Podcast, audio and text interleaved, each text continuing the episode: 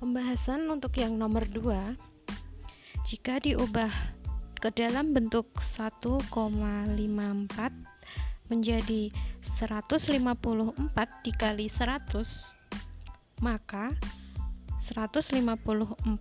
pangkat 2 sama dengan buka kurung 1,54 kali 100 tutup kurung pangkat 2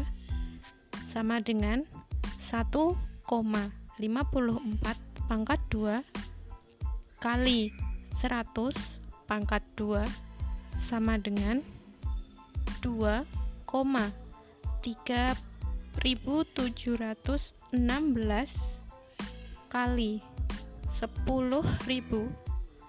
sama dengan 23.716